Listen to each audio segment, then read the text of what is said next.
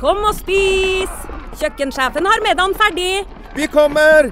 Vi skal bare Åh, det er da så morsomt her på Stiklestad! Ja, men sjøl en god viking må ha både mat og hvile. Og dessuten kan dere nå være noen dager. Velkommen til Scandic Stiklestad. Moderne fasiliteter i historiske omgivelser. Det var her det skjedde. Det er her det skjer.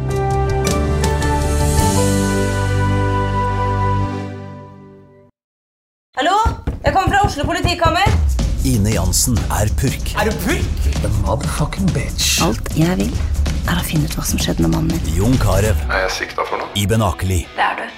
Ole So, Lars Berrum og Big Daddy Karsten. Hvem sin side er du på, egentlig? Anette Hoff, Tone Danielsen, Kommer du fra Afrika?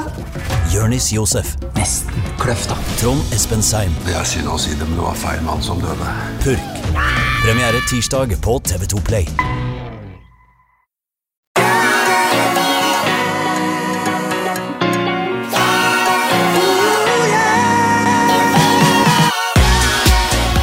Velkommen til podkasten Hjernesterk. Ole Gjelle, velkommen til deg. Vi er i studio i Oslo i dag, og i dag har vi med Daniel Osen. Velkommen. Du har tatt hele veien fra, eh, fra Rena med tog.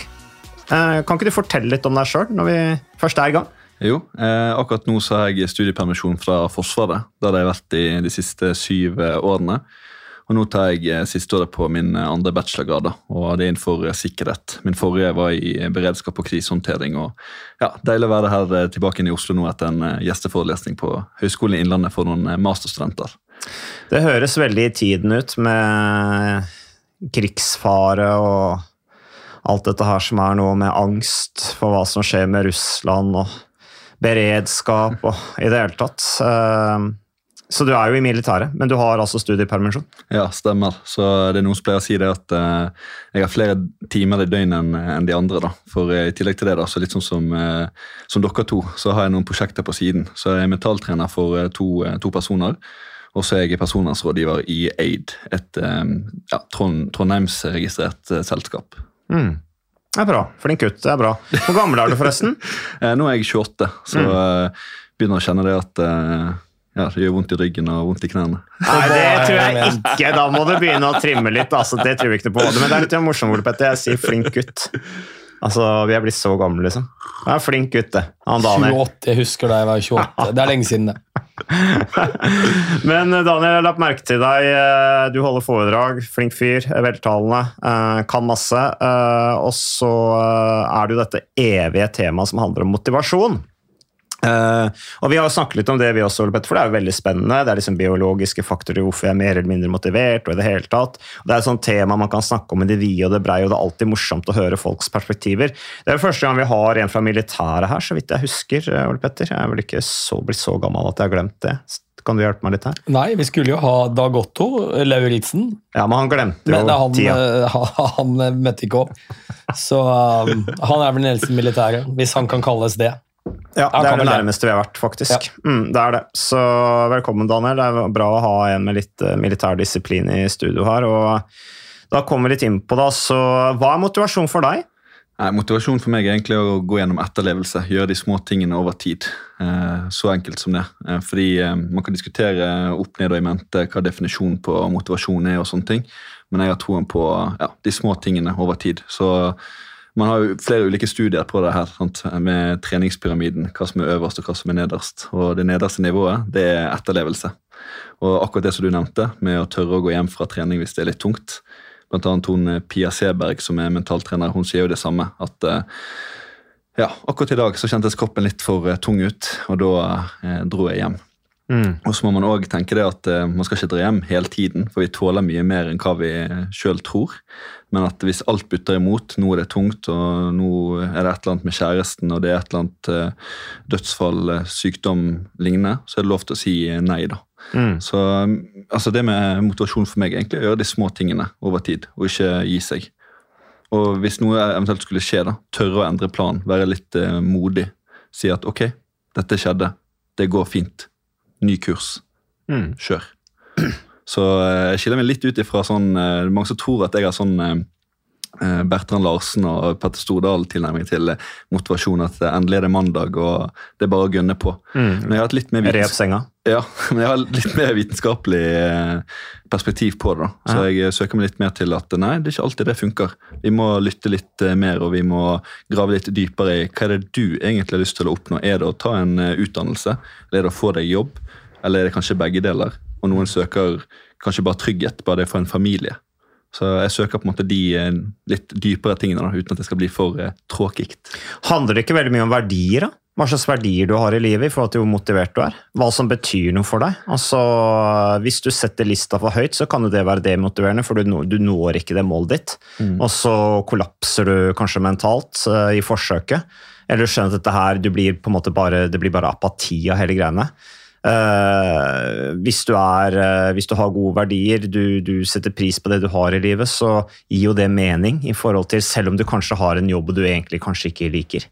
Mm. Man kunne nesten sagt at verdier pluss filosofi er lik motivasjon. Veldig sånn eh, på sparket her i podkasten. Men uh, altså at du, du har noe med deg, altså verdiene, men òg hva du ser for deg. Altså Er det toppjobben, ikke sant? eller er det å skaffe seg på en måte en god nok økonomisk trygghet, men også drive med prosjekter som du liker, og allikevel får du inntekt for det. sant? Altså Det, det gagner på seg. Eh, og så tenkte jeg også på det du nevnte, ehm, at hvis ikke ting går som man ønsker, så har jeg sagt i hvert fall i tidligere intervjuer da, at hvis ett dekk punkterer, så trenger du ikke punktere de tre andre også. Lapp det dekket, og kom deg av gårde igjen. For det er ofte sånn at ja, men nå tok jeg med den sjokoladen, og nå tok jeg med den der burgeren, og nå droppet jeg trening på mandag. Så da dropper jeg trening hver eneste dag, fordi at nå er vi inne i det uansett. Mm. Sånn, Litt den der eh, ja, pokker dog. Men eh, nei, lapp, eh, lapp dekket, full luft, kjør videre. Ikke sant? ikke sant? Ole Petter, eh, vi er jo Du har ikke barn, har du det, Daniel? nei, jeg, Du har ikke rukket det ennå? jeg, jeg øver. Ja, du øver. Ja, Det er bra å høre. uh, Ole Petter, uh, han, vi, er jo, vi er jo fedre. Ja, så vi har jo barn, så vi har sluttet å øve. uh, ja, ikke sant? Vi, vi har tre, du har tre, jeg har to. Men det som var poenget mitt, da handlet ikke med om videreformering og sånne ting. Det handlet om rett og slett å ta ansvar. Ikke sant? Det der å, å ta ansvar. Føle at, at altså, noen som er større enn deg sjøl, da.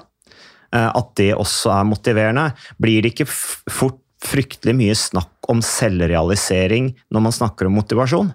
At jo, du, ha, du har en plass i samfunnet, du, du, du har en viktig rolle for folk rundt deg. Eh, Du skal bidra i laget, enten det er familielaget, jobblaget, hva som helst. Er ikke det ansvaret også noe av det mest motiverende som er?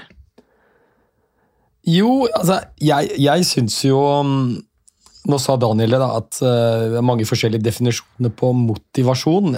Jeg, tenker nå på motivasjon som drivstoff som får oss til å gjøre noe. Altså det som får oss til å gjøre noe, styre mye av vår atferd. Um, og vi snakker jo veldig mye om motivasjon rundt dette med bevegelse og mosjon. Og en ting som jeg lurer litt på, som jeg har lyst til å spørre Daniel om, det handler om at her har vi altså en aktivitet som er enkel, som de aller fleste kan få til. Den har formidable gevinster. Vi kan begynne å ramse opp. Du lever lenger, du holder deg friskere, bedre livskvalitet, bedre mental helse, bedre fysisk helse, osv. Og så er det altså 75% av befolkningen som sliter litt med å få det til. Og da er mitt spørsmål hvorfor er det sånn? Er de umotiverte? Jeg tenker på det med å tørre å være sårbar med en gang du, du sier det. Det med å tørre å si at nå trenger jeg hjelp. Altså Om det så er en eh, venn eller et familiemedlem eh, eller noen du altså Det kan være en personlig trener, ikke sant? en eller annen mentor for deg. Altså Jeg har jo en mentor innenfor mentaltrening sjøl, altså Gyrid Bekke Solberg. Og Det å tørre å si at akkurat nå så trenger jeg hjelp, og jeg trenger at du faktisk eh, er tett på meg. Eh, For Vi ønsker jo på en måte å, å hjelpe hverandre sånn at man kan få til disse tingene her. Men så sa han eh, psykolog eh, Sondre Risom Liverød at du kan bære posene for noen i en begrenset periode, men så må man lære å bære det sjøl etter hvert. Fordi at Da får du det i gang, men så er målet at de skal bære posene sjøl. Altså som en metafor. ikke sant? Bære ansvaret sjøl. For det er jo det Ja, ja. Man, man ønsker. Men at eh, noen må ha den der kickstarten eller hjelpen og tørre å si fra at nå, nå går det ikke. For det jeg opplever, da, og det kan bli litt sånn eh, den, den harde siden av meg, er at det blir mye følelser. Og det jeg mener med det, er at det blir mye sånn ah, Nå er jeg litt eh, trøtt, og nå, nå ble det akkurat sånn og slik. Og jeg tror mange kjenner på det samme. Men det at den eneste måten å få noe gjort på, det er å starte. Og da er det på en måte vekk med TikToken og vekk med Instagrammen. For jeg tror at de fleste kjenner at jeg skal nå bare nett. Og det som skjer da, er at minuttene går, så går timene. Og der var dagen ferdig. Leksene ble ikke gjort. Igjen. Treningsøkten ble ikke gjennomført. Igjen. Eh, Så det er det jeg tenker, å, å tørre å, å på en måte si ifra. En kompis av meg som eh, er ekstremt driftig av seg, han kontaktet jo Mental Helse ja, ikke Mental Helse Ungdom, men Mental Helse, fordi at han opplevde en sånn apatifølelse. Han er jo egentlig driftig. Og jeg tenker Hvis de egentlig driftige kjenner på den der Oi, nå, nå klarer jeg ingenting mer. Nå vil jeg bare legge meg ned, og nå orker ingenting mer. Og så går det over flere uker og, og måneder, kanskje. da. Det å tørre å si at nei, nå, nå har jeg det vanskelig. Kanskje han var litt sliten. Ja, Kanskje han hadde stått på så hardt så lenge og som jeg sa, satt lista så høyt Mm. at, eh, og hadde en så høy forventning til seg selv at dette skulle han nå, og det var så mye som drev han var kjempemotivert, kjørte på, Mm. og så blir jo alltid ting litt tyngre. Altså, Å nå det målet tar ofte litt lengre tid enn det man hadde håpet. Eh, og så kan noen få seg en knekk av det. Men det var litt interessant det du sa om det med å bære poser som metafor. Altså Min far han eh, var jo trener for veldig mange utøvere. Jeg har vært hjulpet deg med litt trening også, Ole Petter, back in the days på 90-tallet, når du virkelig løp fort. Eh, så sa jo han at min jobb som trener, det er å bli overflødig, sa han. Altså, min jobb er å hjelpe folk å kunne trene seg sjøl. Min forventning som trener er at jeg skal mindre og mindre betydning over beslutningen dere tar. Ikke sant? For det skal bli mer og mer selvstendig. Så det er jo en, et flott perspektiv på å være trener, tenker jeg. Eh, Men litt tilbake til, du var litt inne på, du refererte litt til en samtale vi hadde før vi satte på her. Eh, Jeg var ute og løp eh, forrige uke, og dette er ikke snikskryt.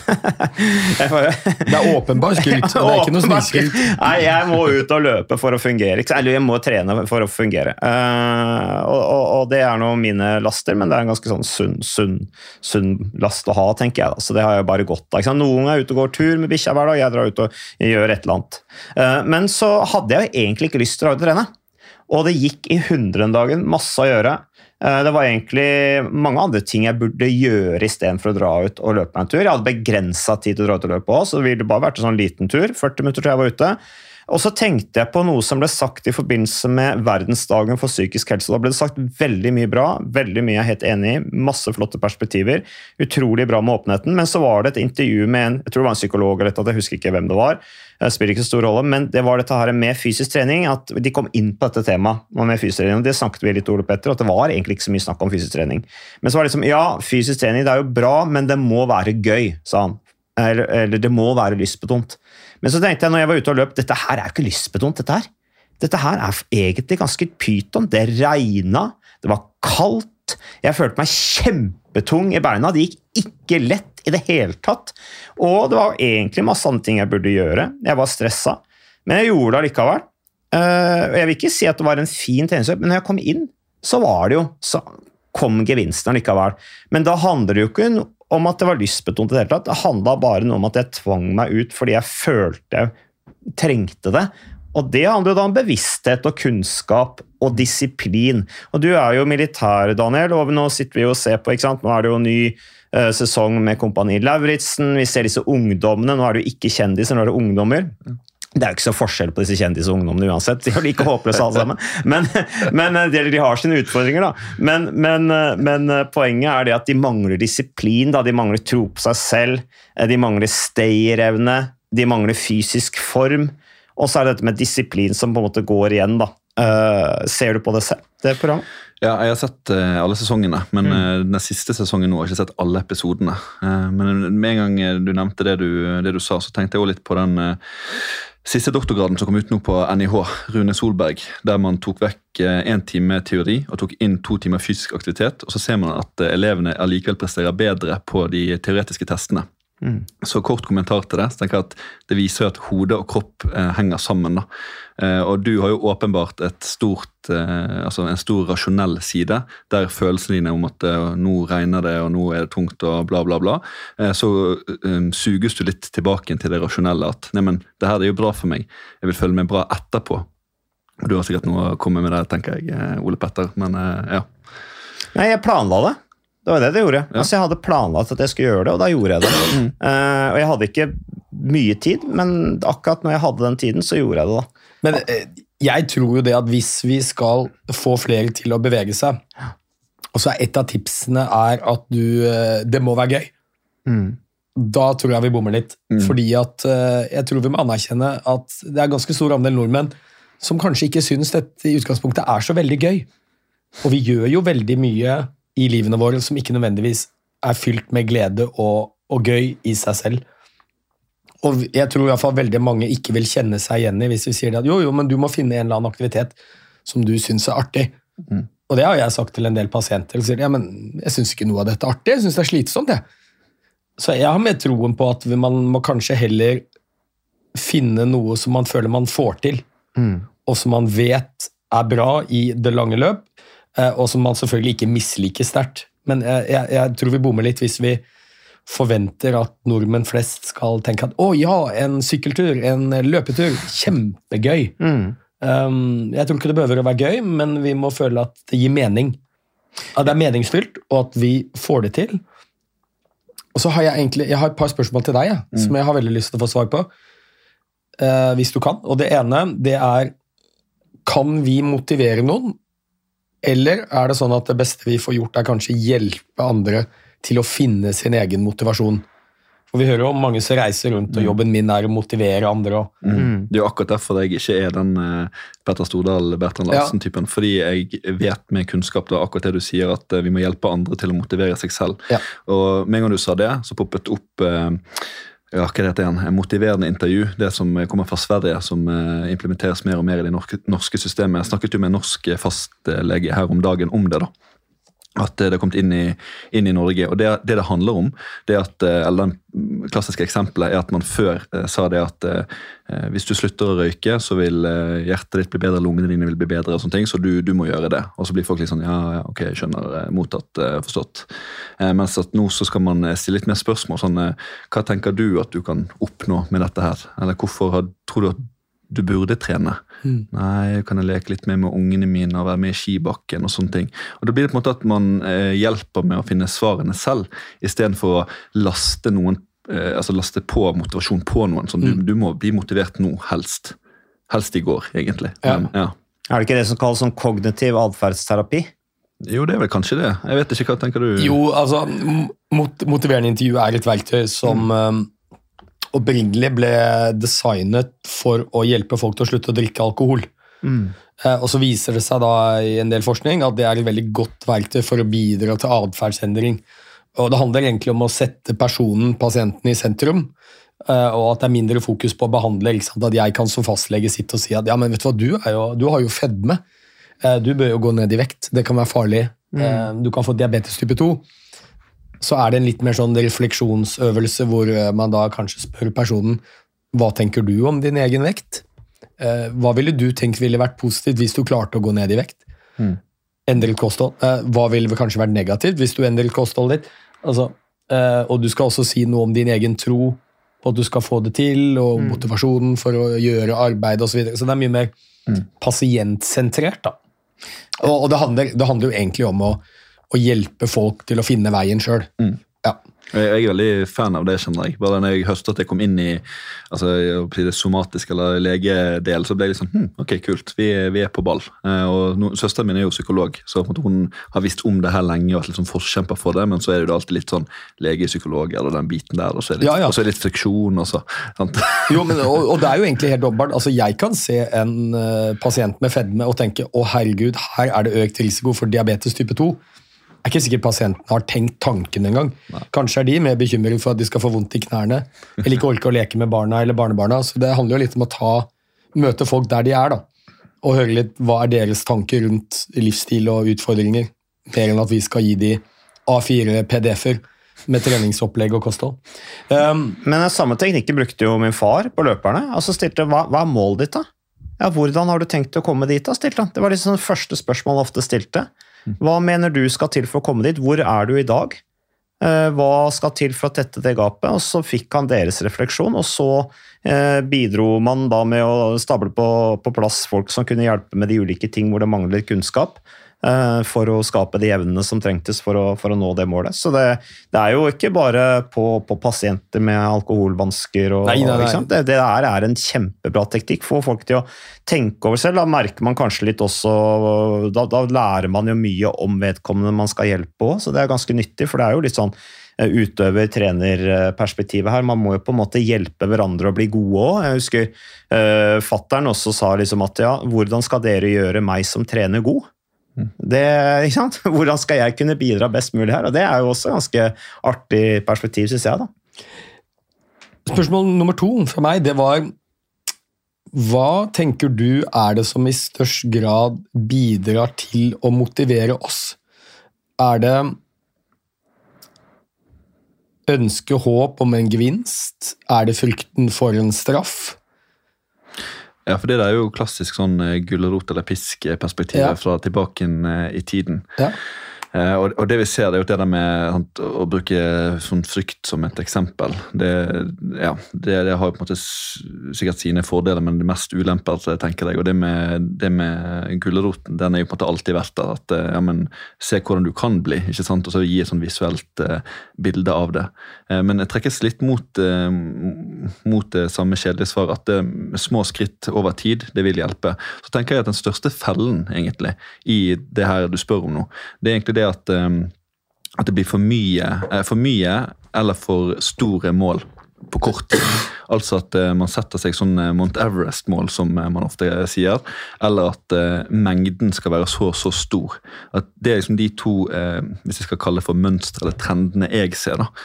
Istedenfor å heller bare ta én, ett mål, som da er Kolsåstoppen i Oslo eller Vettakollen istedenfor Mount Everest. Mm. Og så gjør vi den én til to ganger i uken istedenfor hver eneste dag. Veldig sånn grovt eksempel, da. Mm. Men uh, det, det, er på en måte det jeg ser. da. Uh, så, så, det som gjør at vi ikke klarer det, det er på en måte de fellene der. At det blir for store eller for ofte. Uh, og det er jo det som er med trening. Det der med volum, intensitet, frekvens. At vi, vi, vi sikter på et realistisk mål. Og Det er jo kult og tøft å ha de store målene sånn, in, sånn i endgame, men vi må begynne et sted. da. Og Vi er tross alt bare mennesker med to armer og to bein. Mm. Ja, og det er litt, Jeg snakker veldig mye om det i mine foredrag også, at kanskje, kanskje skal vi på en reise fra A til Å.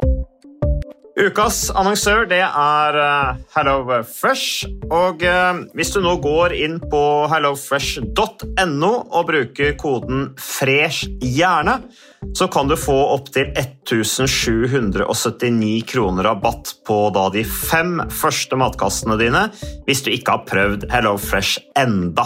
Og Ole Petter, vi er jo glad i Hello Fresh i podkasten Jernsterk, selvfølgelig fordi at de er en annonsør. De er med og bidrar til å spre det glade ordet om fysisk aktivitet og god helse. Men i tillegg så har jo vi også nå lang erfaring med Hello Fresh eh, selv. Så vi må jo si at det har vært gode erfaringer til nå. Ja, absolutt. Visste du Mats, at HelloFresh er faktisk verdens ledende matkasseleverandør? og Tilbudene til HelloFresh gjør det enkelt å lage gode og varierte retter som skaper matglede.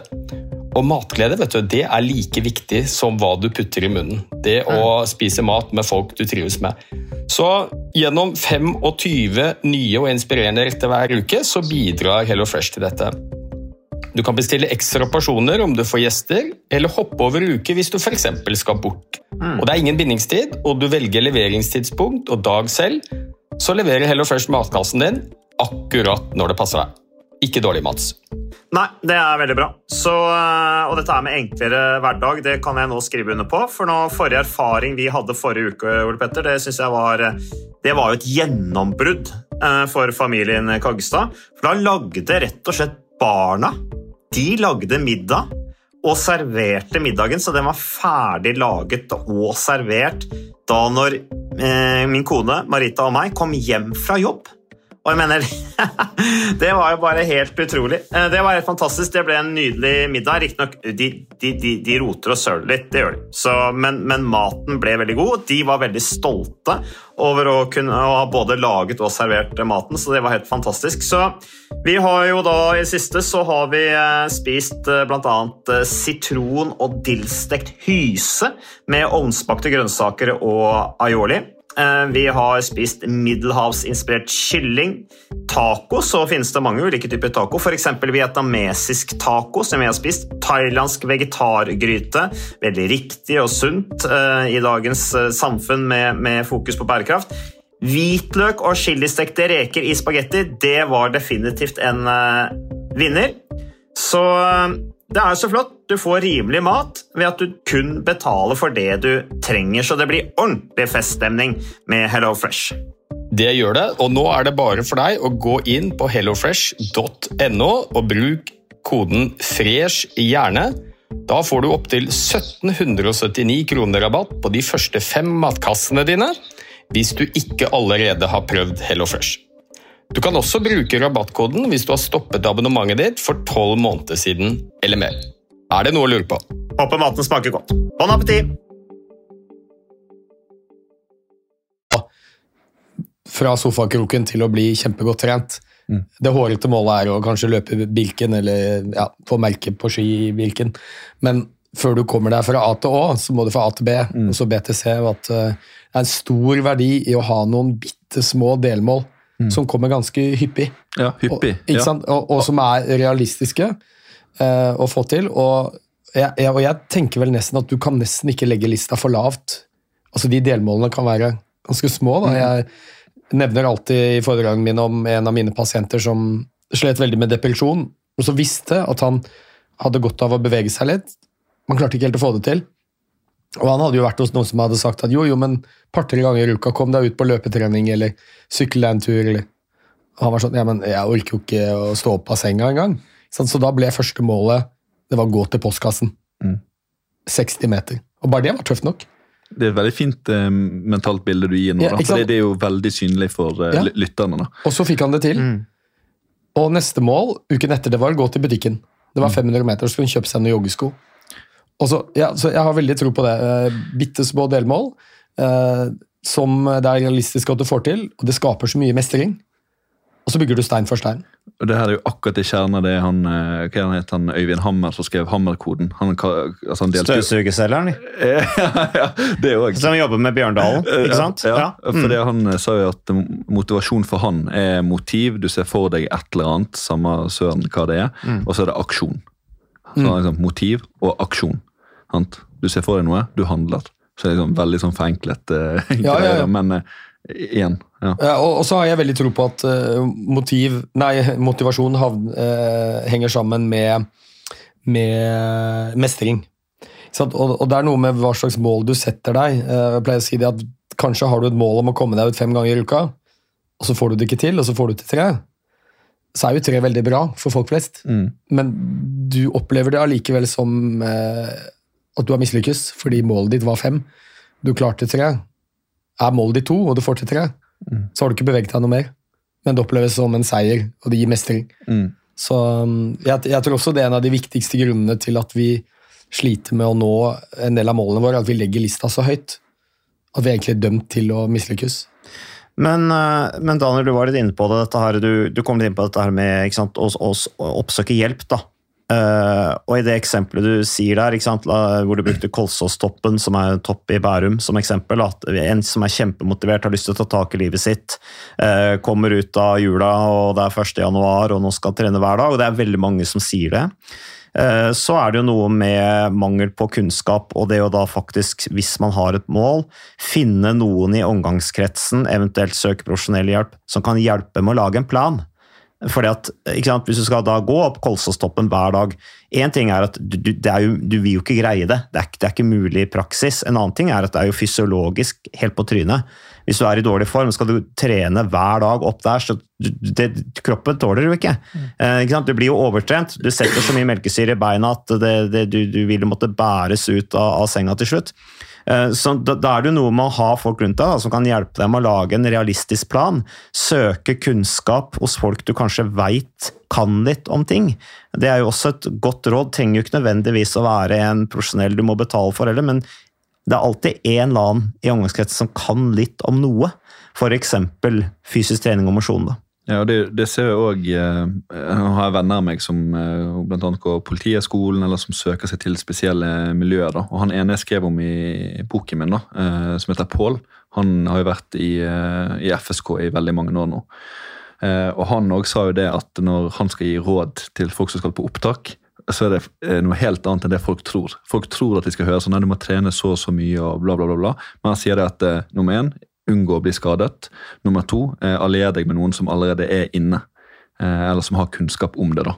Eh, Så, så det, er på en måte sånn, det er noe helt annet enn hva folk tror. Folk forventer å høre at du må svømme 50 000 km og løfte to steiner eh, hver dag. Eh, Så er det på en måte å unngå å bli skadet. Og grunnen til det er jo for at folk blir så ivrig. Det blir sånn her 'jeg vil, jeg vil', men jeg får det ikke til. Det er ofte sånne ordtak som heter sant? For du, du skal absolutt inn i den der helsike spesialstyrken og gå med kul uniform og, rappellere ned vinduet. ikke sant? Det er liksom det eneste som, som er synlig i eh, i hvert fall den mannepeanøtthjernen vår. ikke sant? Det eneste som står fremst. Og Da blir det til at du løper hele tiden. Du løfter veldig mye, og du går Kolsåstoppen hver dag. Og det er akkurat det du sier, at du blir overtrent. da. Så unngå å bli skadet, og allier deg med noen som kan det. Ja, for blir du skada, så du, forsvinner i hvert fall motivasjonen. ikke sant? Da er det avbrekk, og da må jo folk motivere seg til å trene alternativt for å holde seg i gang, og det er det mange som sliter med, ikke sant? for da kommer de ut av det. Eh, og det frister ikke da å gjøre sånne øvelser som de egentlig ikke har lyst til å gjøre. Så, så da, er, er, de, er i gang i den negative spiralen. Eh, men Daniel, eh, du, hvor lenge har du vært i militæret? Syv år. Syv år, ja. Eh, Hvor, hvor gammel var du når du fant at du skulle gjøre en karriere innenfor eh, militæret? Åh, Det er faktisk et veldig fint spørsmål. Jeg var eh, 20 år, eller 21, og planen var å slutte. Gå og Ta noen sivile stu- studier eller eh, et eller annet. Og så sa han, eh, Da var det sånne små Nokia 3410-telefoner som ble ringt rundt på, på vakta. Eh, Og Så sa han majoren at eh, du skal fortsette du, Daniel, ta befalsskolen. Og sa nei, tenkte egentlig å slutte. Så sa han det at nei, du skal jo ta lederutdanning og bli en leder og sånne ting. Nei, sa jeg. Så han jo. Så sa jeg ok. og etter det så søkte jeg eh, befalsskolen, og så gikk det veien. Men jeg prøvde òg en gang før førstegangstjenesten, men da klarte jeg ikke altså jeg ble ikke valgt inn på, på skolen. Kom gjennom opptaket, men jeg sto der på oppstillingsplass, og så sa de du har ikke potensialet akkurat nå. Ta førstegangstjenesten først, og prøv på nytt. Men så du, du, du, du var egentlig på vei ut, men så var det en som fikk deg til å ombestemme deg. Mm. Som enten da fikk deg til å få troen på det, eller du Dette var kanskje en person som du så litt opp til, så du hadde på en måte lyst til å følge hans råd og gi han den anerkjennelsen, kanskje? Jeg vet ikke. hva... Jeg tror, jeg tror faktisk på det siste. Og det, du er egentlig den første jeg har snakket med som har eh, eh, turt å påstå det. For at veldig mange er på den der, men han motiverte deg inn og han sa noe og sa nei. Jeg tror egentlig bare det at jeg så veldig opp til han, faktisk. Eh, Veldig sånn, Kall det en slags ytre glorifisering, som det ofte heter. da. Ja, Du ønska å lytte til rådet hans, Faktisk. for du hadde tillit til han. Og Jeg sa det til han òg, og det var det, var det kjekkeste um, øyeblikket jeg har hatt der jeg har møtt noen i en uformell setting. Jeg tror vi skulle ha sånn militær galla, et eller annet. Og Da sa jeg til han at eh, Stian, uh, det var faktisk du som fikk meg til å søke befalsskolen. Så ble han litt overrasket. sånn, Hæ? Når har jeg sagt det? Nesten sånn da. Så nei, Du ringte jo rundt i alle stasjoner før hvor det gikk med oss, og så eh, hadde vi en time samtale. da, og De samtalene varte i seriøst fem til ti minutter. for det var bare, Hva er status? Hvor mye ammunisjon og våpen er det vi har? Men så kom han litt sånn innpå meg sant, og veldig tett på. Og han bare sa sånn, ja, men så bra da. Og så vil han snakke med meg mer. For da, da gir jo jeg òg anerkjennelse. Og jeg sa jo det at hadde det ikke vært for den samtalen, så hadde jeg, hadde jeg ikke gjort det. Men er ikke det utrolig motiverende når du treffer folk som sier at det der bør du gjøre? Som har den troa på deg, og så har du den tilliten. Så du, ja, det der er kanskje ikke så dumt. Det er ikke så dumt å lytte til enkelte folk som gir deg gode råd. Og det er jo noe ydmykt med det også. Har du hatt noen sånne opplevelser, Ole Petter? At Du har møtt noen som har sagt at han har trua på deg. Han syns du skal gå en, en eller annen spesiell vei. Ja da, det har jeg møtt. Ja, Ja. Ja. Det er motiverende. Det er veldig motiverende, selvfølgelig. Da føler du deg sett, vet du. Og um, det at noen har tro på deg, det er viktig drivkraft. Sorry, nå, nå, nå var jeg litt blank når du stilte meg Ja, spørsmålet. veldig Ja, og det var fordi jeg satt og tenkte på noe jeg skulle spørre, spørre Daniel om, og så kom du plutselig med et spørsmål, så ble jeg tatt litt på senga. Men kan, kan, jeg ta en sånn kjapp sånn, eh, bare akkurat til det du, du, du sa Ja. til slutt der, Mats? For nå når jeg var på høyskolen, så kom noen med det perfekte eksempelet til akkurat det. Eh, nemlig at eh, vi mennesker liker å bli eh, ledet eller å få retning. At det beste du kan få når du er på et trafikkulykke, det er sperr krysset. For du vet at ah, da skal jeg sperre krysset. Det er det jeg skal gjøre nå. Gud, så deilig. Da er ikke det hjertekompresjon nå. Det er, det er ikke led, lede åstedet eller det å lede mannskapene. For da får du en retning, og du får en oppgave. Og Det er noe, av det mest befriende mentalkapasitetsaktige et menneske kan få. En oppgave, en retning. For du vet at ok, det skal jeg gjøre, er sperre det jævla krysset. Og det minner meg om én ting, Ole Petter. Vi hadde Lars-Erik Lund her. ikke sant? Den deprimerte lederen. Eh, og Han snakka om liksom, hva motiverer han om dagen når han er inne i sånne tunge tider og han er direktør i Veidekke og greier og gjør det kjempebra, men allikevel fungerer veldig bra til tross for. Det er det der å ikke ta så mange beslutninger. Han spiser grøten sin, bestemt seg for det. Står opp et fast punkt hver morgen og har disse rutinene, og det er det som holder han i gang. da. Og da får han det til allikevel, uh, til tross for at han, han har sine utfordringer. Uh, Men noen ganger er det ålreit at folk også tar beslutninger for deg. Fordi at jeg tror veldig mange mennesker er forvirra. Er, eller forvirra er kanskje negativt eh, uttrykk, men de er usikre, da. De, de har beslutningsvegring, de kanskje tør ikke å ta beslutninger. Det er kanskje kulturelt ting som gjør at holder igjen, og så er det veldig befriende når da en sier 'jeg har trua på deg, jeg syns du skal gjøre det'. Eh, og det er kanskje det du mangler fra en mor eller far som ikke gir deg den stimulien, kanskje. Og da er det jo noe med å ja, den muligheten, den må jeg ta. Så det, og der er jo militæret kjempeviktig, for der er det jo så mange mennesker som er i systemet, og du har så mange ledere som kan veilede deg. da. Og de er jo som en slags coach. Det er jo En leder er jo en coach, også i militær sammenheng. Så det syns jeg er litt interessant. Og det, da kommer man inn på at det er om å gjøre å menge seg med folk som vil deg vel. Ikke sant? Og det er en sånn litt sånn klisjé som blir mye brukt på sosiale medier. ikke sant? Eh, ikke, ikke, omgi deg med ikke, ikke omgi deg med negative folk. ikke sant? Og det er jo faktisk et godt råd, for det kan virkelig hjelpe deg. Eh, Det er jo det jeg føler nå når jeg sitter i det studioet her. da, at jeg, altså, jeg løper med folk som løper 100 meter fortere enn meg. Det er det jeg føler akkurat nå, i nuet når jeg kjenner litt etter. Ok, Mats eh, Kaggestad og Ole Petter Gjelle. Det, det kjenner jeg akkurat nå. Og det å om, omgi meg med folk som vet mer. Eh, dere har alderen på deres side med kunnskap eh, og, og erfaring. Eh, men så er det også det at dere har prestert på et ganske høyt nivå ikke sant? over tid. Ikke på 100 meter. Der tar du altså, Sånn. Ja, men sånn, ja. Det er veldig hyggelig sagt, da. Kjempehyggelig sagt, eh, Daniel. Eh, Du er en veldig reflektert eh, fyr også, så det er jo, du er jo opptatt av mental trening og opptatt av hva som bor i folk, og få ut det beste av folk og sånne ting. Så, så, men det, det er nå i hvert fall spennende temaer. Vi skal vel ikke skryte på oss altfor mye, Ole Petter, men du har et eller annet på hjertet. Ja, jeg hadde jo noe på hjertet vet du, og som gjorde at jeg var, fikk en sånn brainlock i sted. Da du, jeg så, satt og så på deg med åpen munn. Det er deilig å se at du også kan Ja. få det innimellom, for sånn har jeg det hele tida. jeg var et helt annet sted. Jeg satt og prøvde å formulere spørsmålet til Daniel, og så kommer det et spørsmål fra Ufint, sida. altså. Det var litt som julekvelden på Kjerringa, merket jeg. Nei, Daniel, jeg, jeg, jeg har en teknikk som jeg har brukt en del med mine pasienter, som jeg har lyst til å få litt inn eh, tilbakemelding på. Og det handler om å utbasunere overfor andre når man har et mål. Ikke sant? Pasienter som ønsker å slutte å røyke, begynne å bevege seg litt mer, sove mer, drikke mindre alkohol, hva det måtte være for noe. Og det er at vi forteller andre om målene våre. Eh, og jeg husker veldig godt en, uh, en studie som jeg leste som jeg syntes var veldig interessant, som var litt av bakgrunnen for dette, og det var noen som prøvde å finne ut hva er det som bidrar til å motivere andre til å endre atferd. I dette tilfellet så var det å prøve å få folk til å sykle til jobben. Og da var det sånn at en gruppe de skulle få penger for hver sykkeltur de tok. Det var ikke mye penger, men det var 25 kroner per sykkeltur. Uh, De andre skulle betale penger hvis de ikke syklet. Altså, så det er en sånn klassisk enten gulrot eller pisk. Eh, Og så prøvde man å finne ut hva, hva var det som stimulerte mest til sykling. Var det den frykten for å måtte betale, eller var det gleden ved å få penger? Og så viste det seg at det var cirka ganske likt. Men så la det til en gruppe tre, og det var at det var en gruppe på jobben som skulle sykle. Eh, og for at gruppa skulle få heder og ære, så måtte alle i gruppa ha syklet. Det hjalp ikke om åtte av ni, men absolutt alle. Og Da viste det seg at det var det som bidro mest til motivasjon. Det var den frykten for sosial eksklusjon. Altså den frykten for å ødelegge for andre. da. At hvis åtte i gruppa de hadde syklet, så skulle søren ikke jeg være den ene som ødela for alle de andre. Så, så det har jeg eh, tenkt en del at Og ser det i praksis. At de som er veldig tydelige overfor andre hva de ønsker å få til, så er det sånn større sannsynlighet at man får det til. For det er ingen som har lyst til å skuffe andre. Og det, og det kan være å legge ut på Facebook, sånn som en av mine pasienter gjorde. ikke? Skulle slutte å røyke.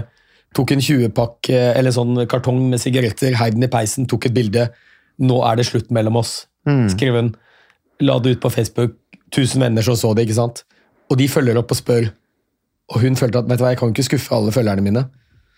Ja, for Det er jo et sånn, eh, kall positivt gruppepress, og det minner meg tilbake til eh, som dere sikkert har vært innom tidligere. Jeg vet ikke, jeg har kjørt absolutt alle episodene deres, men eh, de fleste. Men det er med at eh, hvis du faller utenfor gruppen, så er du død. Sant? Mm. Det er jo sånn gammel tankegang. Sant? at Hvis du ikke var en del av gruppen, så, så gikk du alene, og da var ikke det mer mat, det var ikke mer husly, og da, da døde vi sakte, men sikkert ut. Så jeg tenker at det må jo ha noen sånn korrelasjon dit. Sånn positivt gruppepress. Ja, absolutt. Og det, ja, ja, og det, det tror jeg helt klart og tydelig. Vi, vi er veldig opptatt av å være en del av en gruppe, og det handler jo om at sant, på savannen var du aleine, så var du ekstremt sårbar. Eh, fienden plukket deg bare bort. Var du i en gruppe, så var du beskyttet. Du levde lenger. Større sannsynlighet for å overleve. Så mm. Men er det ikke litt sånn nå i samfunnet at den type på en måte naturlig tilhørighet da, til en gruppe og en forventning at du skal være en del av et samfunn eller en gruppe, en bidragsyter til, eh, til en kultur, et lag, kall det hva du vil, at det nå er liksom Ja, nå er det press og en forventning som gjør at folk bukker under. Jeg syns jeg ser litt sånn, litt sånn tendenser. Du rynker litt på, Ja, på ja, panna. ikke det litt rart ut. Nei, nei. det kan tenke seg litt ute på viddene her nå, altså, men, eh, men, eh, men gruppetilhørighet er jo er jeg veldig enig i, er veldig bra. Uh, I militærutdanner så er jo det liksom det er alfa og omega. Uh, Men vi er jo også et samfunn nå som er veldig sånn eh, individuelt uh, forherliger liksom det individuelle og, og, og, og- litt det, og at uh, folk kanskje skal søke nettopp det sosiale fellesskapet, at det faktisk er ganske eh, ganske viktig da, for utvikling. Å omgi seg med, med i et miljø hvor, hvor man blir stimulert da, eh, innenfor en eller annen retning man ønsker å gå. Eh, Det er veldig viktig. Vi var litt inne på det òg. Finne de riktige folka som kan, kan veilede osv. Men jeg er ikke sikker på om jeg er helt inne på Jeg må tenke litt mer på det der for å kunne ha litt mer. Men hva skulle du si? om Jo, det? nei, eh, jeg, jeg tror du har veldig rett. Det er jo veldig mye fokus i samfunnet vårt i dag på individualisme.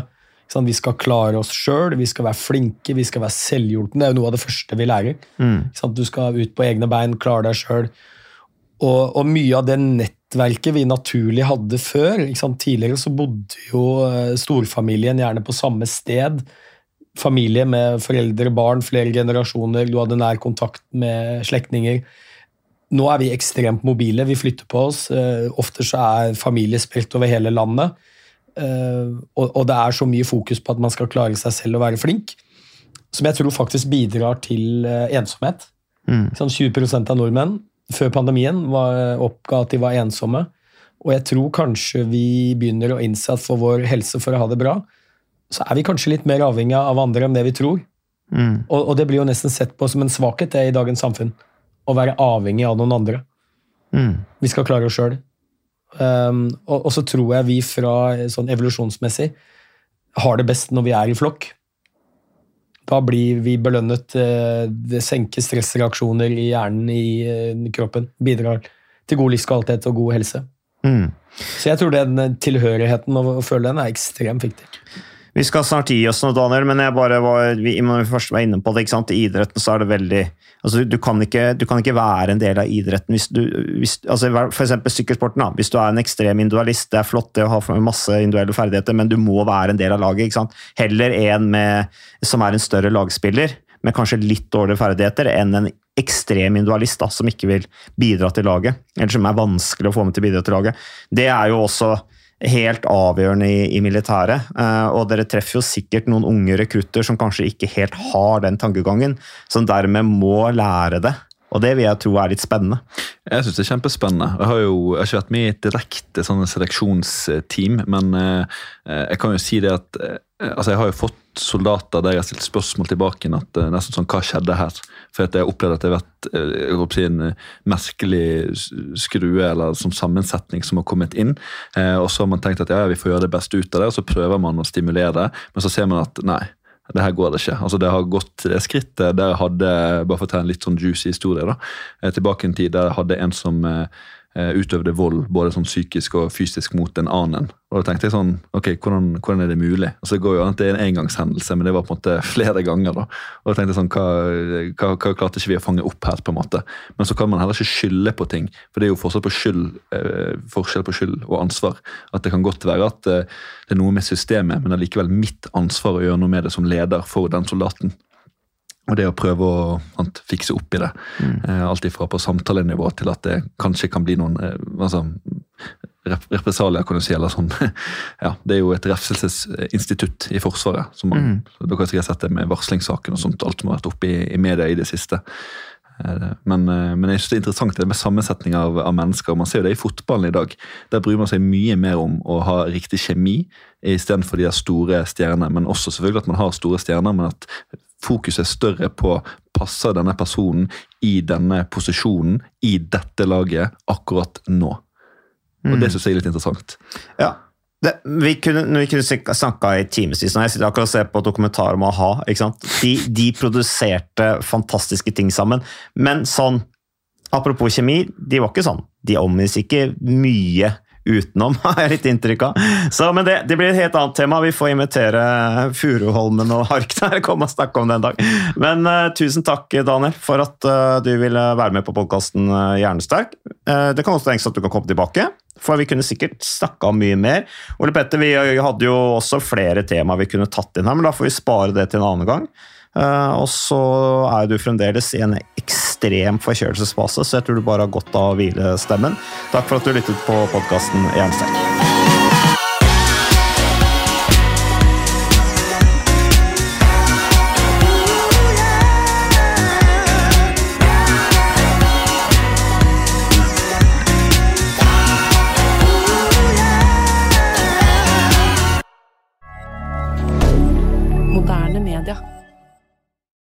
Har du et enkeltpersonforetak eller en liten bedrift? Da er du sikkert lei av å høre meg snakke om hvor enkelt det er med kvitteringer og bilag i fiken, så vi eh, gir oss her, vi.